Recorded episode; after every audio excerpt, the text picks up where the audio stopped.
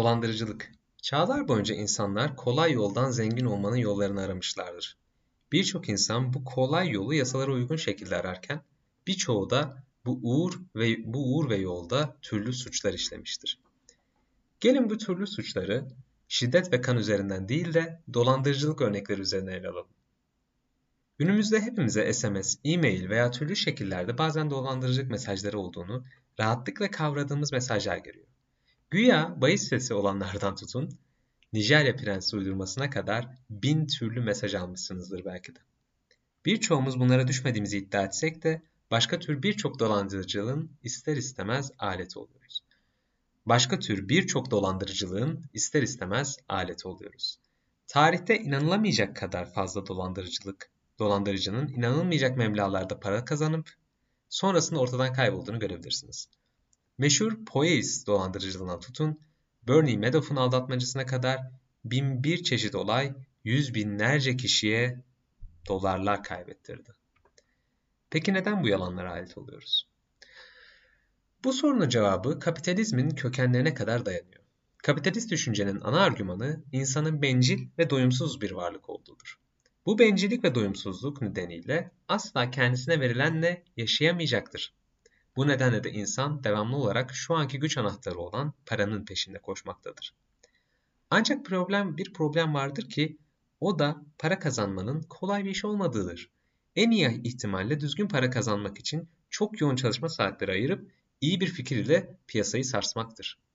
Ancak bu sıklıkla böyle gelişmeyen bir plandır. Ancak bu sıklıkla böyle gelişmeyen bir plandır. İyi bir fikri olanların sermayesi ve destekleyeni olmayabilir veya bu fikri aksiyona geçiremeyebilir. Yoğun çalışma saatlerinde ele alırsak, günümüzde birinin yanında çalışan veya bir kurum altında çalışan kimse zengin olacak kadar para kazanamıyordur. Zaten kapitalizmin ana sorunlarından da birisi budur. Her zaman denizde yüzen çok büyük balıklar vardır ve bu balıklar başka balıkların büyümesini ve hatta yaşamasını engellemektedir. Tam da bu nedenle insanlar dolandırıcıların vaatlerine inanma kumarını oynar. Örneğin sanal pi para piyasasını alalım. Sanal para piyasalarında işini düzgün ve legal şekilde yapan çok marka olmakla beraber insanların hayalleriyle ve paralarıyla oynayan da çok var. Şimdi gelin bu dolandırıcıları size gösterelim. Pump and dump dediğimiz yöntemle başlayalım. Sanal para üzerinde sıklıkla dönen bir problem vardır ve o da budur. Bu sistemde dolandırıcılar önce sizi yeni bir markaya yatırım yapmaya, çeşitli büyülü sözler kullanarak ikna ederler. Örneğin ağzı iyi laf yapan bir marka yüzü size kendi markasına yatırım yaparsanız Örneğin ağzı iyi laf yapan bir marka yüzü size kendi markasına yatırım yaparsanız kısa süre içinde yatırdığınız paranın iki katını kazanacağınızı söyler. Bu şekilde buna inanan insanlar paralarını o markaya yatırırlar ve markanın hisseleri tavan yapar. Markanın hisselerinin yükseldiğini gören diğer yatırımcılar da bu umutla paralarını yatırırlar. Ancak sonunda marka bu senetleri bir anda satar ve kazandığı parayla ortadan kaybolur. Bunun örneğini görmediğimizi düşünmeyin, gördük. Bu sanal para endüstrisinde sıklıkla görebileceğiniz bir dolandırıcılık yöntemidir. Örneğin OneCoin markası bunun bir örneğidir. Vadi markaya para yatıranların bu yatırdıkları paranın iki katını alacaklarıydı. Böyle bir vaatle başlamışlardı. Ofisler açıp kurumsal bir görünüm edinmişlerdi. Ancak bir anda ortadan kayboldular ve para yatıran insanlar paralarını yeniden alamadılar. Diğer bir yöntemle devam edelim. Ponzi. Bu sistem belki diğerlerine göre daha masum görünebilir. Başrolde yine ağzı iyi laf yapan ve güvenilir bir imaj çizen birisi vardır. Karizmatik lider olmak dolandırıcılığın farzıdır. Başka türlü insanlar o kişinin dediğine inanıp böylesine bir şeyin peşine düşmeyecektir yoksa. Ponzi için de yine böyle birisine ihtiyaç duyulur. Bu kişi insanları kendi markasına yatırmaya ikna eder ve yine para kazanacakları imajını çizer. Çok insan para yatırır ve hesaplarına aynen dendiği gibi para gelmeye başlar. Ancak sorun şudur. Aslında bu gelen para diğer müşterilerden gelen paradır. Biraz somutlaştırmaya çalışalım. Ahmet'in markaya yatırdığı paranın bir kısmı Ali'ye gider ve böylece Ali para kazandığını zanneder. Ancak aslında markanın tek yaptığı basit bir şema ile müşterilerine yalancı meblağlar yollamaktır. Bunlardan ayrı olarak çok sayıda legal dolandırıcılıklar vardır. Yalan vaatler eşliğinde size hiçbir işe yaramayan tonla ürün ve fikir satabilirler. Örneğin sizi bir eğitimin veya kitabın veya bir projenin büyük bir ayrıcalık katacağını söylerler.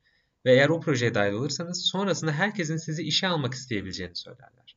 Ancak aslında aldığınız eğitim gerçekten değerli değildir. Bu durumda tabii ki sizi e, bu durumda tabii ki sizi suçlu suç olacak şekilde dolandırmış olmazlar. Suç işlemezler. Ancak sizin paranız cebinizden çıkıp onlara giderken karşılığında vaat edilen şeyi alamamış olursunuz. Yani aslında herhangi bir dolandırma durumunda belli ortak noktalar vardır. Size her zaman mükemmeli verdiklerini vaat ederler. Bu durumda geri tepmenin aptallık olduğu imajını çizerler.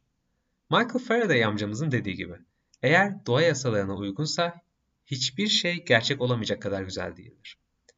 Bir başka ortak noktaları da genellikle bir acele imajı çizerler. Yalnızca 200 kişilik kontenjan var veya yalnızca bu ay için geçerlidir. Bunun gibi aslında size geç kalma pişmanlığının korkusunu aşılarlar. Kitleler korku ve heyecan gibi duygusal durumlarda bırakıldığında mantıklı kararlar verme yetilerini kaybederler ve o zamanda da bu yalanlar çok daha gerçek görünür. Gördüğünüz gibi dolandırıcılık bitecek bir şey değildir. Ancak bazı hırslarımız engellenebilirdir. Kolay para kazanmak için yola çıkan birçok insanın bu uğurda beş karısı Kolay para kazanmak için yola çıkan birçok insanın bu uğurda beş parasız kaldığını görebilirsiniz.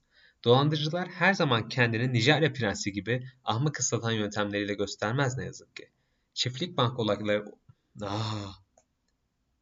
Çiftlik bank olaylarından tutun meşhur Poyes olaylarına kadar türlü yatırım vaatleriyle de kendini gösterir. Bu nedenle de bu nedenle bu yöntemleri ne kadar iyi bilirseniz kendinizi o kadar iyi kontrol edersiniz. Unutmayın, bir şey gerçek olamayacak kadar güzelse muhtemelen gerçek değildir.